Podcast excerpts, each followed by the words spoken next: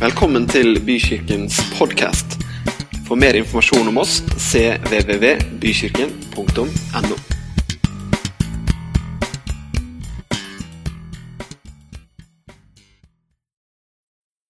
Det er det som er så banalt, at når du går langt tilbake i historien og ser, og ser hva samfunnet sleit med da, så kan du transformere det over i, i vårt samfunn og se at det er akkurat det samme som trigger problemene. Snakk med noen som jobber innenfor psykiatri eller beslekta felt. Mennesker er det samme. Vi har nye navn på ting, vi stiller andre diagnoser, og vi prøver å finne løsninger med stadig nye metoder og verktøy osv. Men ofte, svært ofte, ja kanskje alltid, så bunner disse tingene ut i akkurat det samme. Mennesket har innebygde lengsler, behov. Og sosiale medier kommer ikke til å løse de. Jeg vet at det er noen av dere som har kjempetro på TikTok. Men sorry. Det vi trenger, er nemlig det samme. Behovet for å bli sett. Behovet for å bli verdsatt. Behovet for tilhørighet. Være en del av et fellesskap. For trygghet og for kjærlighet. Barna trenger det. Ungdommene trenger det. De voksne trenger det. Og også de som er godt voksne. Jeg har stilt meg et spørsmål i lys av énmeteren eh, og korona osv. Og, og det er kommer vi noen gang i Norge til å klemme hverandre igjen når vi møtes. Ja, ja, det er noen jeg. Det er alltid morsomt for noen. De har en teori på at vi er så underfora på fysisk kontakt og klemming at vi kommer liksom til å bli mer sånn søreuropeere. Noen tror det. Andre er litt usikre på om kanskje nå vi liksom kan få en unnskyldning for å reindyrke en sånn litt kald, avstandsmessig nordisk sosial kutyme. Jeg vet ikke. Kommer vi til å gjøre det? Jeg tror i alle fall vi trenger det.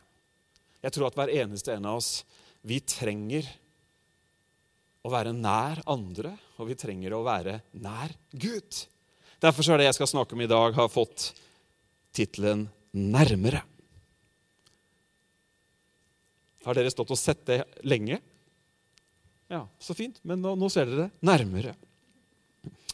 Dere, som menighet og som kirke så tror jeg at vi er viktigere, og at vi har en større betydning enn det både du og kanskje jeg, ikke jeg da, men i hvert fall du, har tenkt på den siste uka.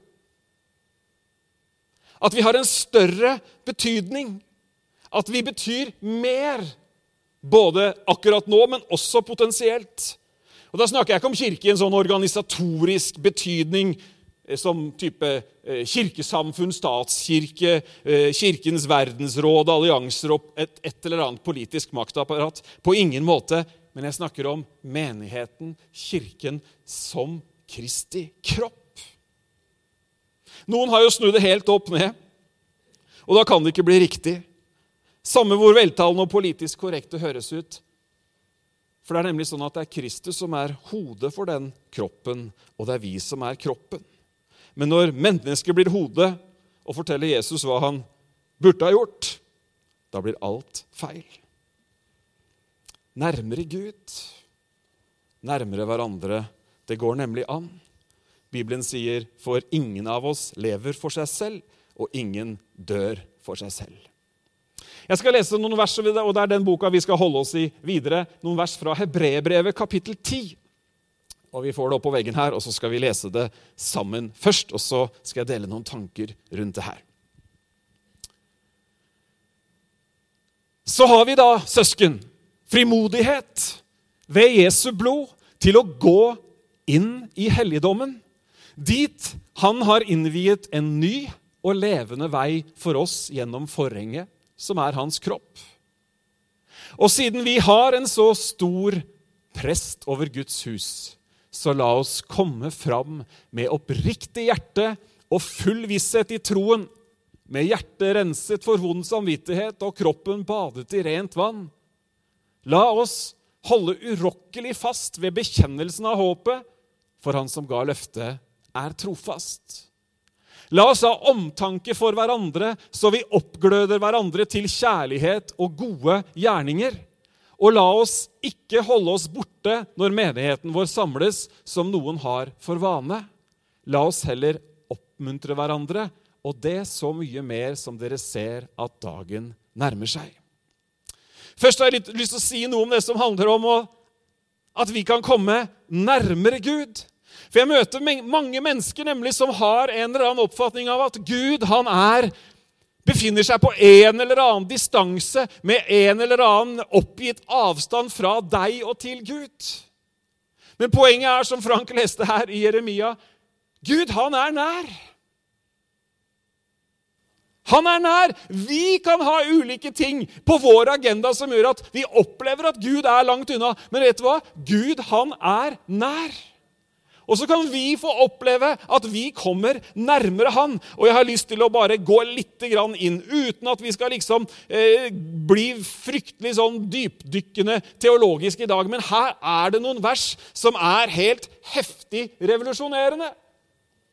For her sier forfatteren av dette brevet, og dette brevet er til en menighet, dere. Det er til et folk som har vært ganske sånn ivrige og aktive i menighetslivet, for å si det sånn. De har eh, fått med seg mye, men så er de kommet inn i en fase hvor eh, ting begynner å svinne litt hen, for å si det litt sånn enkelt. Noen av de overbevisningene de hadde før, har kommet litt på avstand. Noe av iveren har liksom dabba litt av. Brannen er ikke helt som den var før, men de får et brev fra apostelen. Hvem nå enn det er, det strides jo de lærde om, så vi skal ikke bruke mye tid på det. Men det er noen store, fantastiske, revolusjonerende sannheter om Gud her som jeg vil at du skal få tak i. Og Jeg har lyst til at vi skal be sammen først. Jeg har lyst til at du skal be for deg, og så ber jeg for oss alle. Og så ber du om at Gud skal si noe til deg. Be om at han skal vise deg noe du ikke har sett før.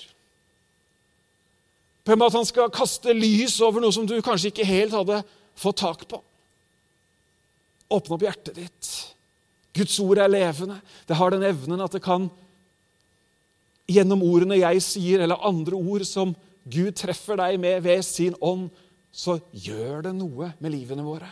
Jeg takker deg for at ditt ord er levende. Ber deg, Herre, om at du skal hjelpe meg til å si det rette. Og så takker jeg for at du ved din ånd bringer ditt levende ord inn i hjertet til alle dem som tar imot. Skal vi ta et felles Amen. Så bra. Så har vi da søsken. Frimodighet ved Jesu blod til å gå inn i helligdommen.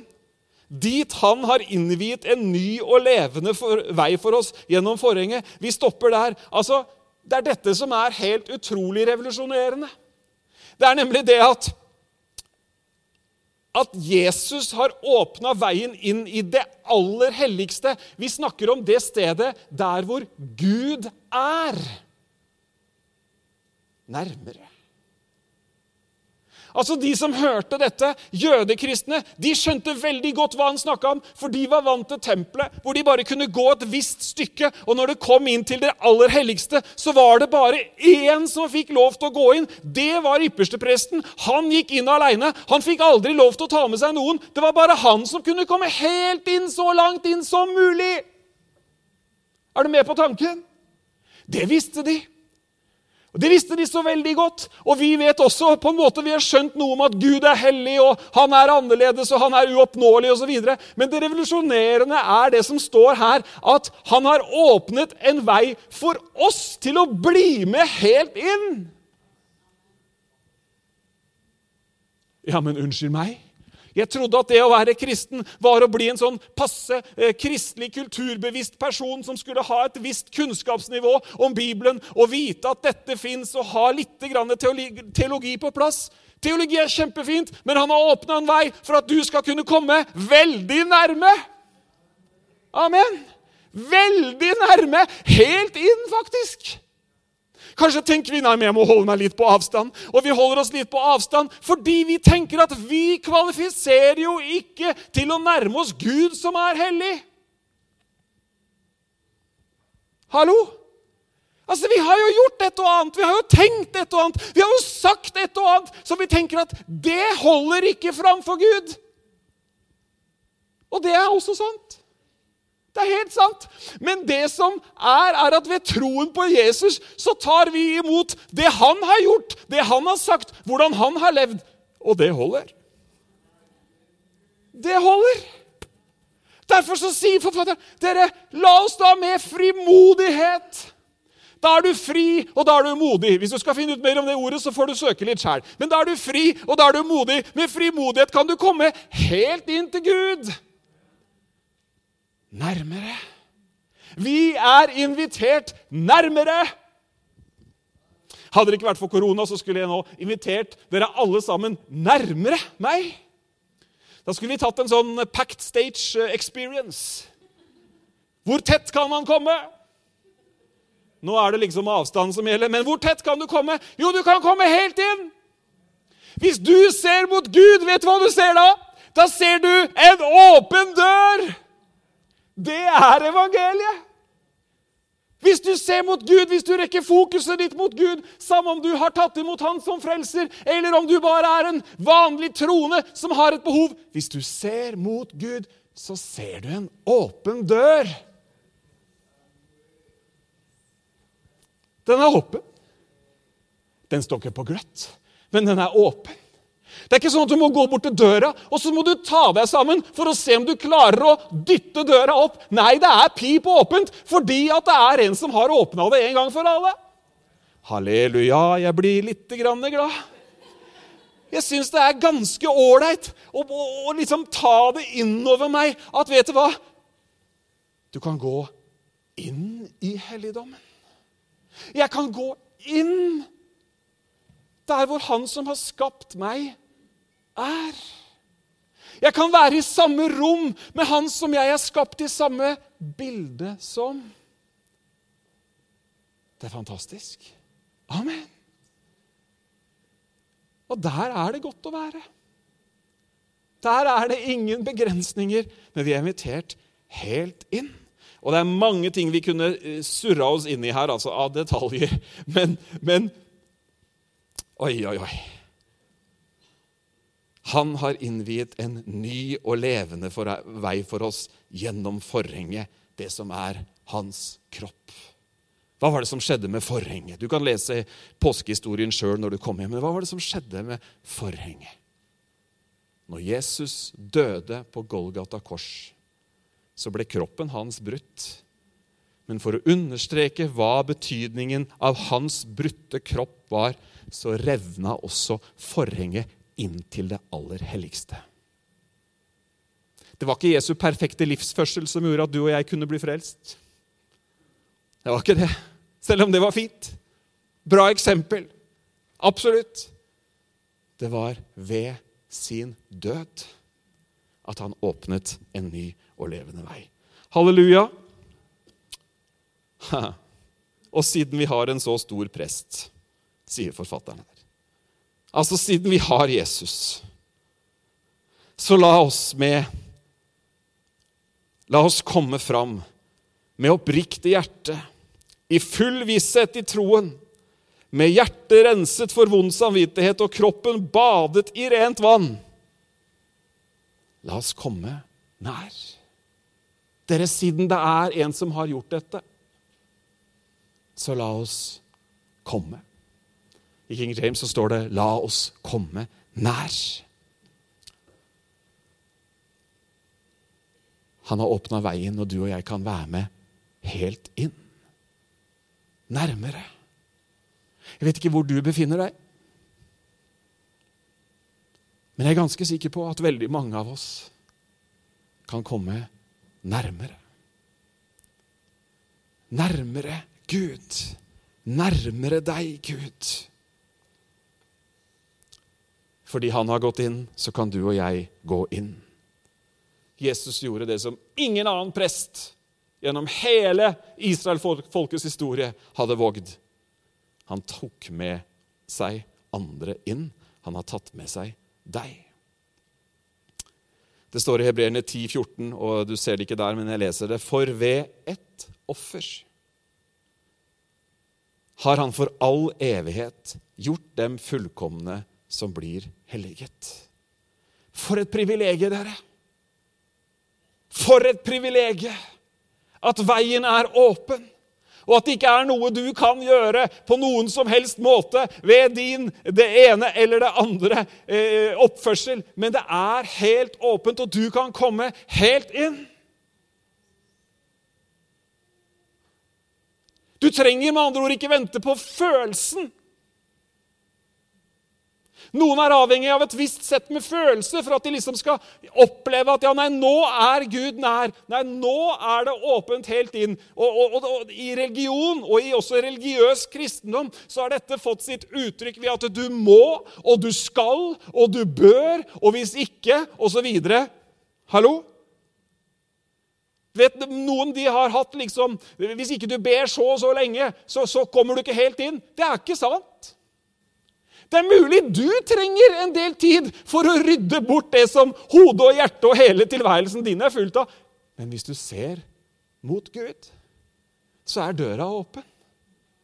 Det her praktiserer jeg ofte i mitt eget bønneliv. Når jeg skal be Nå får du sånn Pastors Inside. Når jeg skal be Det er jo litt forskjellig, da. men da er det ikke sånn at jeg liksom må ha en viss dimensjon på stearinlysene først. Ikke noe gærent på å tenne lys hvis du vil det. Kjempefint. Men det er faktisk heller ikke sånn at jeg må liksom inn i salen her eller finne en prekestol eller liksom Altså, jeg, Noen ganger så går jeg faktisk og ber inne i salen her også. Hvis du dukker opp her en eller annen dag og ikke finner meg, og du veit at jeg er her, døra er åpen og bilen står utafor, så kan det hende jeg er i en eller annen krok her fint vet du, å be. Ha litt sånn plass når man ber. Men det er ikke det som er poenget. Men når jeg skal be,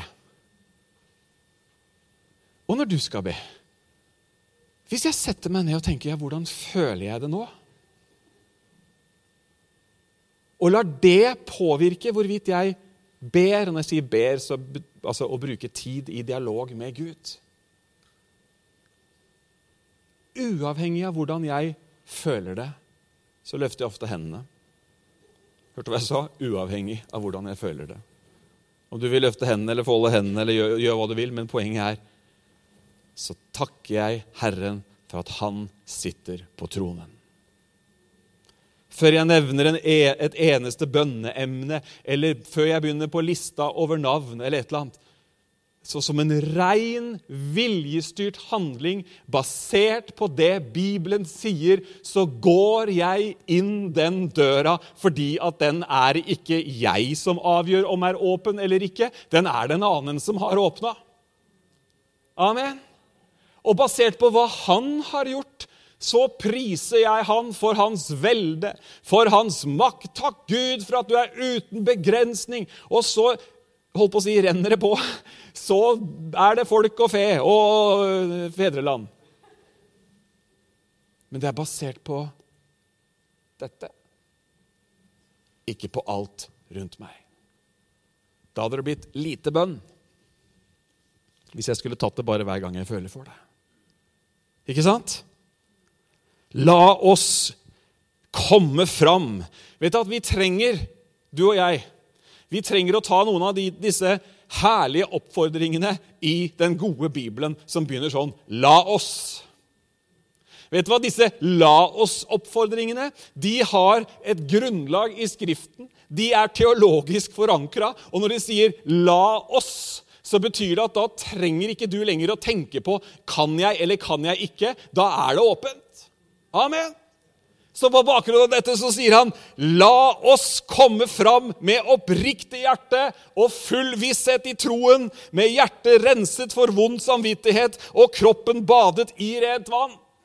Det tok en hele følelsesregisteret vårt. Vi hadde kanskje ikke vissheten på plass. Vi visste ikke helt hvordan det var med samvittigheten osv. Men hør her, dere. Hjertet er renset. Du kan ha full visshet i troen og kroppen er badet i vann. Vi kan ikke ta alt dette her, men det er, det er veldig mye spennende her. Men dere, la oss komme. Vil du være med? La oss komme nærmere med et oppriktig hjerte. Med et oppriktig hjerte. selv om ditt hjerte fordømmer deg, står det i Bibelen, så er han større enn ditt hjerte. Hvor ofte kjenner ikke vi mennesker på det? En eller annen form for fordømmelse. Jeg er ikke god nok. Jeg har bomma. Det ble ikke sånn som jeg hadde tenkt. Tok en annen vending. Og så krymper vi oss fordi at fordømmelsen gjør at vi trekker oss tilbake. Og istedenfor å gå nærmere Han som er selve livet, så trekker vi oss unna. Og Det er derfor Bibelens budskap er så viktig. At du og jeg tar til oss, for den sier det motsatte. Kom nær. La oss med frimodighet komme fram for nådens trone. La oss med et oppriktig hjerte, la oss med en samvittighet som er renset. Ikke fordi at du har kjørt Plumbo gjennom systemet, men fordi at det er en som har tatt all synd på seg. Skjønner du at vi kan være frimodige, eller? Jeg kommer ikke i mitt eget navn, Gud, men jeg kommer i Herren Jesu Kristi navn. Amen. Halleluja. Halleluja. Ikke la fordømmelsen, mindreverdigheten, hva det måtte være, på hvilken som helst måte det gjør seg utslag i ditt liv, ikke la det holde deg tilbake, men la oss komme nær. Hm. Det er et privilegium dere, at vi kan komme nær. Fantastisk. Og så står det videre La oss holde urokkelig fast ved bekjennelsen av håpet. For han som ga løftet, er trofast. La oss holde urokkelig fast ved bekjennelsen av håpet. For han som ga løftet, er trofast. Jeg er helt overbevist om at grunnen til at dette står her, var at noen hadde sluppet håpet. Noen hadde gitt slipp på håpet. Og dere, rent menneskelig, ren menneskelig psykologi, så trenger vi et håp. Jeg håper det går bra til slutt, sier vi. Det menneskelige håpet. Eh, utfallet er vi ikke sikre på, men vi håper at det går bra til slutt. Men det bibelske håpet Guds håp er noe helt annet enn det menneskelige håpet. Det ligner på den måten at det er noe som er der framme, men det har et helt annet fundament enn det menneskelige håpet, som har en sånn 50-50 chance for at det går bra. Det håpet vi kan holde urokkelig fast ved, det vi kan sette vår lit til, det er et håp som er basert på at det er én som har gitt et løfte. For han som ga løftet, er trofast. Vet du På grunnteksten så står det eh, Og da blir det ordene i en annen rekkefølge, men jeg syns det var så bra. Det står eh, der hvor vi leste 'For han som ga løftet, er trofast'. På grunnteksten så står det 'Troverdig, nemlig, er han som lovet'. Litt sånn argumenterende. Troverdig, nemlig, er han som lovet. Sikkert ikke noe god norsk, men det var ikke det som var poenget. i det hele tatt. Poenget er nemlig at det håpet som vi blir oppfordra til å holde fast ved, det står fast. Amen.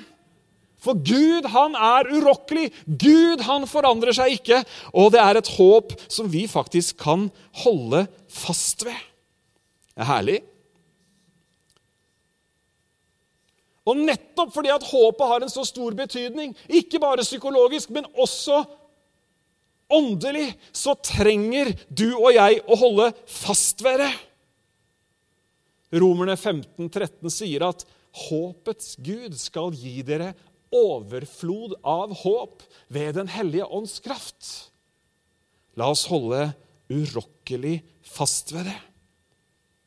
Amen. Bekjennelsen av håpet. Betyr det at vi da bare skal si at vi har håp? Vi tenker ofte på 'bekjenne' som noen ord som kommer ut av munnen. Vi har vokst opp med ulike trosbekjennelser i, i den kristne delen av verden. Men bekjennelse av håpet handler mer om ord. Det, og mer enn ord. Det handler også om å leve i henhold til den overbevisningen som troen gir. Det hjelper ikke å si at du bekjenner deg til et håp, hvis ikke du virkelig lever livet ditt på grunnlaget av det håpet. Men håpet er påvirkelig. Alle åndelige sannheter er påvirkelige. På må ikke på den måten at du kan endre innholdet i dem, men du kan endre avstanden du har til dem, og hvorvidt du lever i dem eller ikke. Er ikke det sant? Hvorfor? Jo, fordi at ting skjer i livet. Fordi at vi som mennesker vi er, vi er, gjenstand for en enorm påvirkning fra alt mulig. Sånn at muligheten for at du på et tidspunkt er overbevist om noe, har bekjennelsen på plass, lever der og opplever det osv. Muligheten for at du beveger deg fra det stedet og til et annet sted, den er helt reell. Vi må snakke sant i kjerka, må vi ikke det? Det er jo ikke sånn at fordi at du på et tidspunkt i livet var brennende i troen på Jesus, Guds ord ga retning i livet ditt, det var overbevisning, det var autoritet, så er det ikke sånn at du nødvendigvis er der fem år nede i gata. Det har livet vist meg. Og jeg kunne nevnt navn både på meg sjøl og på andre. Og Sånn er det også med håpet. Derfor så sier han, la oss da holde urokkelig fast ved dette håpet. Og Litt tidligere i det samme brevet så har han også sagt noe om håpet. Skal du høre det? Jeg bare leser for å spare eh, Skal vi se, hvor var den, da? Det var Jo, i Hebreerne 6,11 så sier han til dem Hør på det her. Og vi ønsker at hver og en av dere Ganske direkte preken her. Vi ønsker at hver og en av dere viser den samme iver for håpets fulle visshet helt til det siste, så dere ikke blir sløve. Oi, fy da. Kan man si sånn til folk? Ja, Bibelen kommer tydeligvis med en advarsel. Dere følger med, folkens, sånn at dere viser samme iver for håpet, så dere ikke ender opp som sløve og på en eller annen avstand, men er etterfølgere av dem, og da snakker de om trosheltene, som arver løftene ved tro og tålmodighet. La oss holde urokkelig fast ved håpet, dere. Amen. La oss holde urokkelig fast ved håpet. Troverdig, nemlig, er han som lovet. Vers 24. Og vi går inn for landing snart, faktisk. Men eller og la oss ha omtanke for hverandre, så vi oppgløder hverandre til kjærlighet og gode gjerninger. Og la oss ikke holde oss borte når menigheten vår samles, som noen har for vane. La oss heller oppmuntre hverandre, og det så mye mer som dere ser dagen nærmer seg. La oss ha omtanke for hverandre. Hvor langt strekker omtanken seg for andre i ditt liv?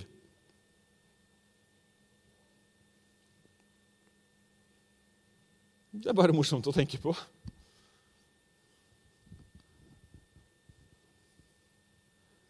Omtanke kan strekke seg så langt som lyden av din stemme. Omtanken kan strekke seg så langt som lengden på din arm eller et annet, annet eh, fysisk nedslagsfelt eller nettverk du måtte, måtte kunne rå over.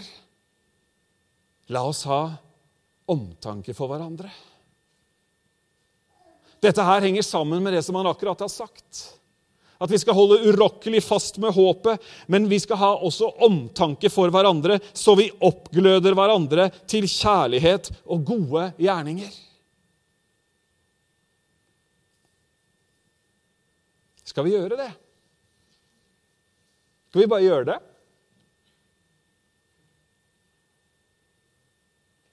Vise omtanke. Bry oss. Vise kjærlighet. Oppgløde hverandre til kjærlighet. På, på, grunnteksten igjen, dere skjønner at jeg har liksom vært litt dypt inne her, så står det at vi skal oppgløde hverandre til eh, nidkjærhetskjærlighet. Nid den er intens, kjenner jeg. Det er ikke liksom at du skal eh, si 'så hyggelig å se deg', men du skal liksom, kjærligheten skal, skal, skal, skal ha noe nidkjær over seg. Da er du villig til å gå over en liten terskel, altså. Da tror jeg vi ringer en gang til, jeg. Ja. Ikke sant? La oss ha omtanke for hverandre. Vi trenger omtanke for hverandre. Menneskene i din familie, menneskene i ditt nærmiljø, de som du omgir deg med, de trenger omtanke og kjærlighet. Da kommer vi nærmere, gjør vi ikke det?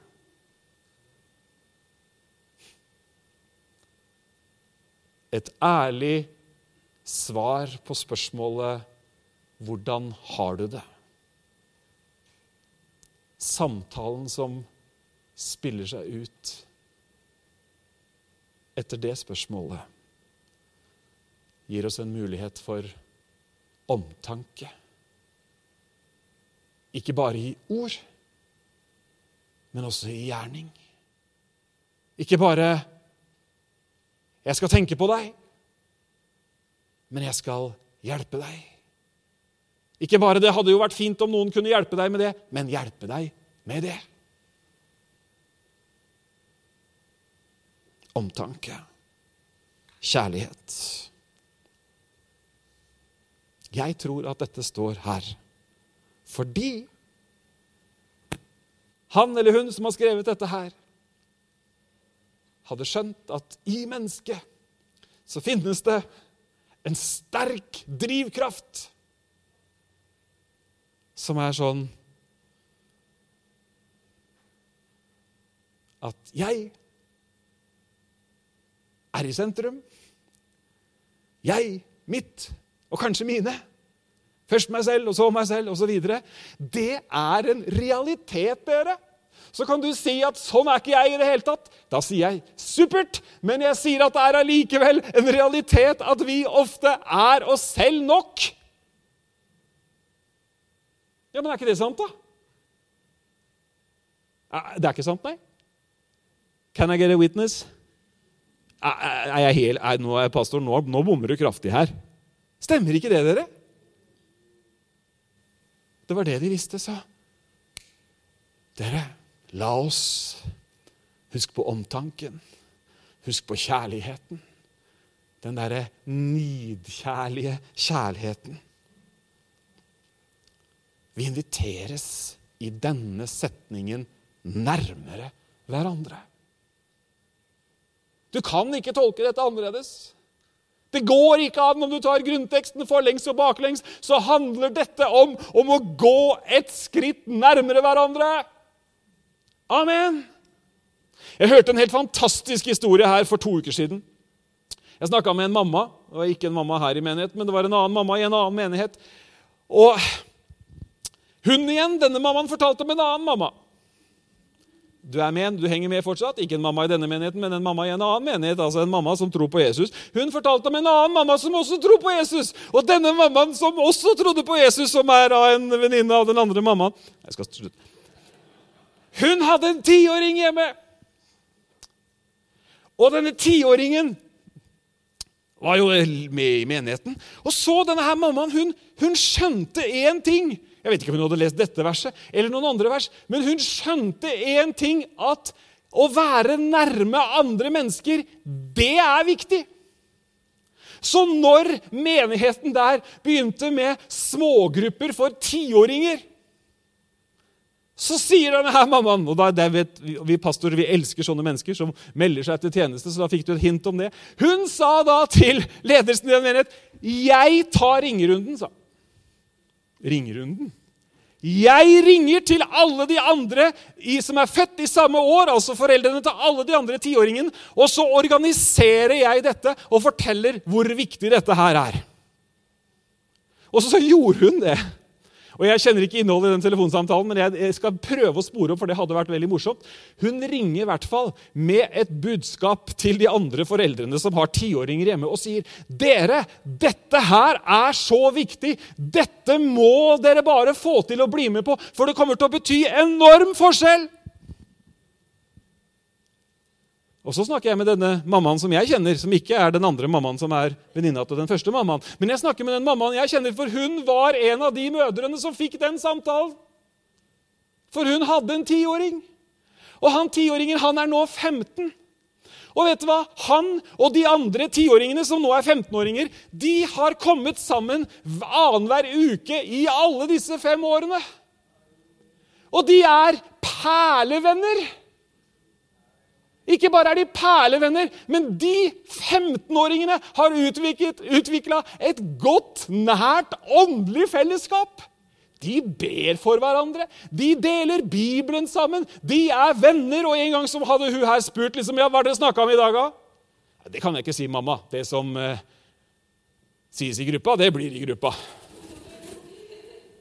Men denne 15-åringen han evner nå i en alder av 15 år å si at dette dette har bevart meg. Dette har, dette har, gjort at troen den ikke bare har vært ut og inn og bort og vekk og en gang i ny og ne. Eh, men jeg står støtt. Jeg vet hvem jeg tror på. Er det ikke fantastisk? La oss komme sammen, eller la, la oss ha omtanke for hverandre. Og så står det i det siste verset La oss ikke holde oss borte når menigheten vår samles, som noen har for vane. La oss heller oppmuntre hverandre, og det er så mye mer som dere ser at dagen nærmer seg. Og dette er ikke sånn derre formaningstale for å liksom få søndagsskolekortet fullt. Men når vi kommer sammen Og det her handler heller ikke om at du er borte fra, men, fra, fra gudstjenesten en gang i ny og ne. Jeg håper du skjønner det. Hallo? Noen jobber jo f.eks. turnus. Det er liksom ikke Hebreerbrevet 10, 25. Ikke det vi snakker om. Men vi snakker om at det å komme sammen har en funksjon. Det gjør noe med deg og meg. Fordi at det står her eh, La oss ikke holde oss borte. La oss heller oppmuntre hverandre. Og det så mye mer som dere ser at dagen nærmer seg. Vi trenger at vi istedenfor å unnskylde manglende deltakelse, heller oppmuntrer til økt deltakelse. Amen? Kan du finne 100 grunner for ikke å bruke en søndag formiddag på gudstjeneste? Har du sett været i dag, eller? Jeg har en båt jeg, som ligger på blikkstille sjø der ute. Altså, Hvis jeg snakker med rette mannen i båthavna, så syns han jeg er helt blåst. Unnskyld meg, men hvor mange fine sånne dager har vi da? Håper jeg ikke noen er på båter akkurat i dag og hører på denne podkasten i morgen. For det var ikke hensikten i det hele tatt. Ja, men er det ikke sant? Vi kan jo finne 100 unnskyldninger, kan vi ikke det? Men så vet vi det at gudstjenesten, forkynnelsen av ordet, fellesskapet i bønnen, lovsangen, det sosiale Det er med på å holde varmen i gudsrelasjonen oppe.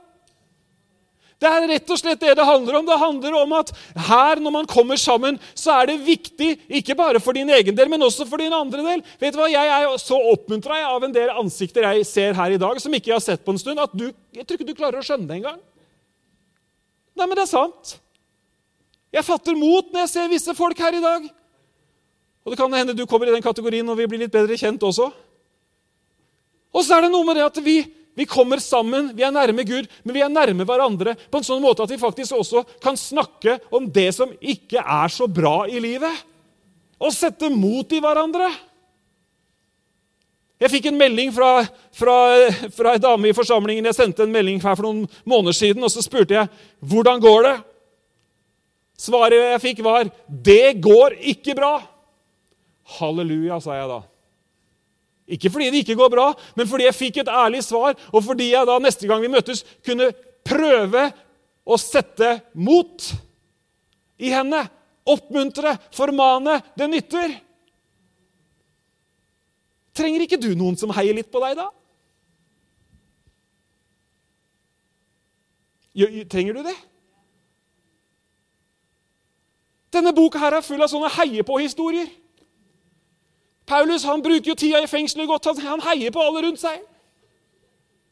Han sier, 'Timoteus, du har mye bra.' 'Nå sender jeg en annen til deg. Han har også mye bra.' Og så sender du han tilbake på meg, for han har mye bra. Nå fikk du alle brevene oppsummert på to og en halv linje.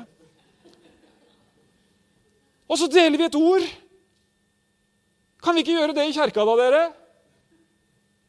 Vet du hva jeg har så lyst at vi skal høre litt mer sånn derre Vet du hva? Når jeg hører du sier det, Frank, så tenker jeg på det ordet som står i Jesaja 29, 11, som jeg leste for et par dager siden. Amen. Eller når vi hører om noen som har en eller annen situasjon, og så har vi vår stille stund med Gud, og vi har, vi har jo både tent stearinlyset og løfta hendene og skjønt at vi kan be uten å føle for det. Og så tenker vi på noen, og så, så deler vi det, så blir det til oppmuntring. Vi står i en utfordrende kamp.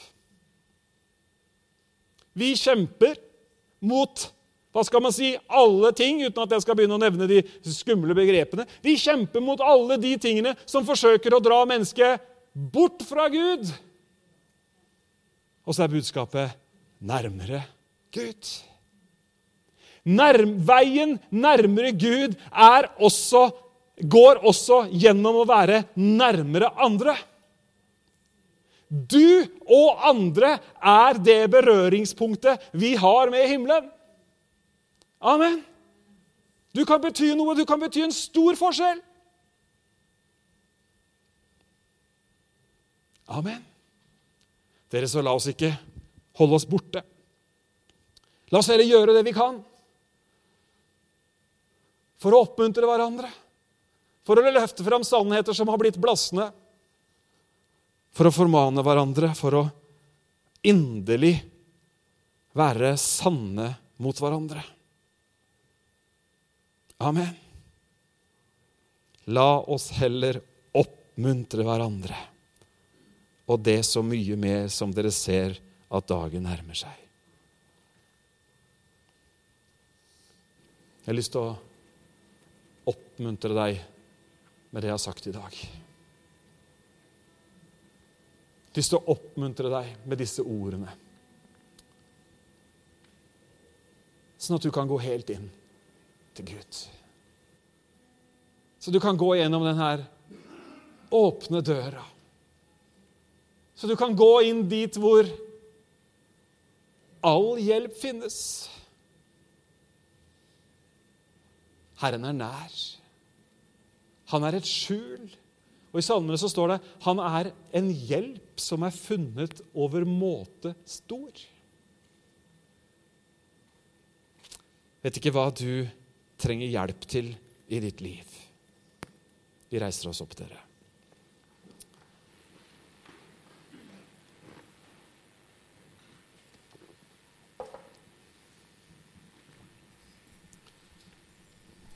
vet ikke hva du trenger hjelp til i ditt liv. Kanskje du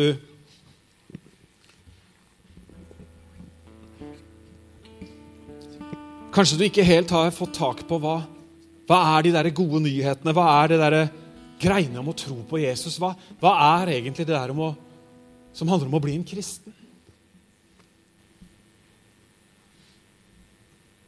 Det handler om at du vender deg mot Gud. Du vender deg mot himmelen, og så ser du en åpen dør.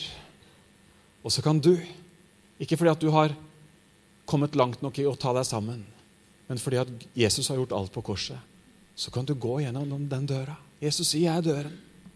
Han sier, 'Jeg er veien, jeg er sannheten og livet'. Ingen kommer til Faderen uten meg. Hvis du trenger hjelp til å ta den bestemmelsen, så skal jeg hjelpe deg akkurat nå. Vi kan lukke øynene våre. Og så kan vi be en bønn sammen hvor vi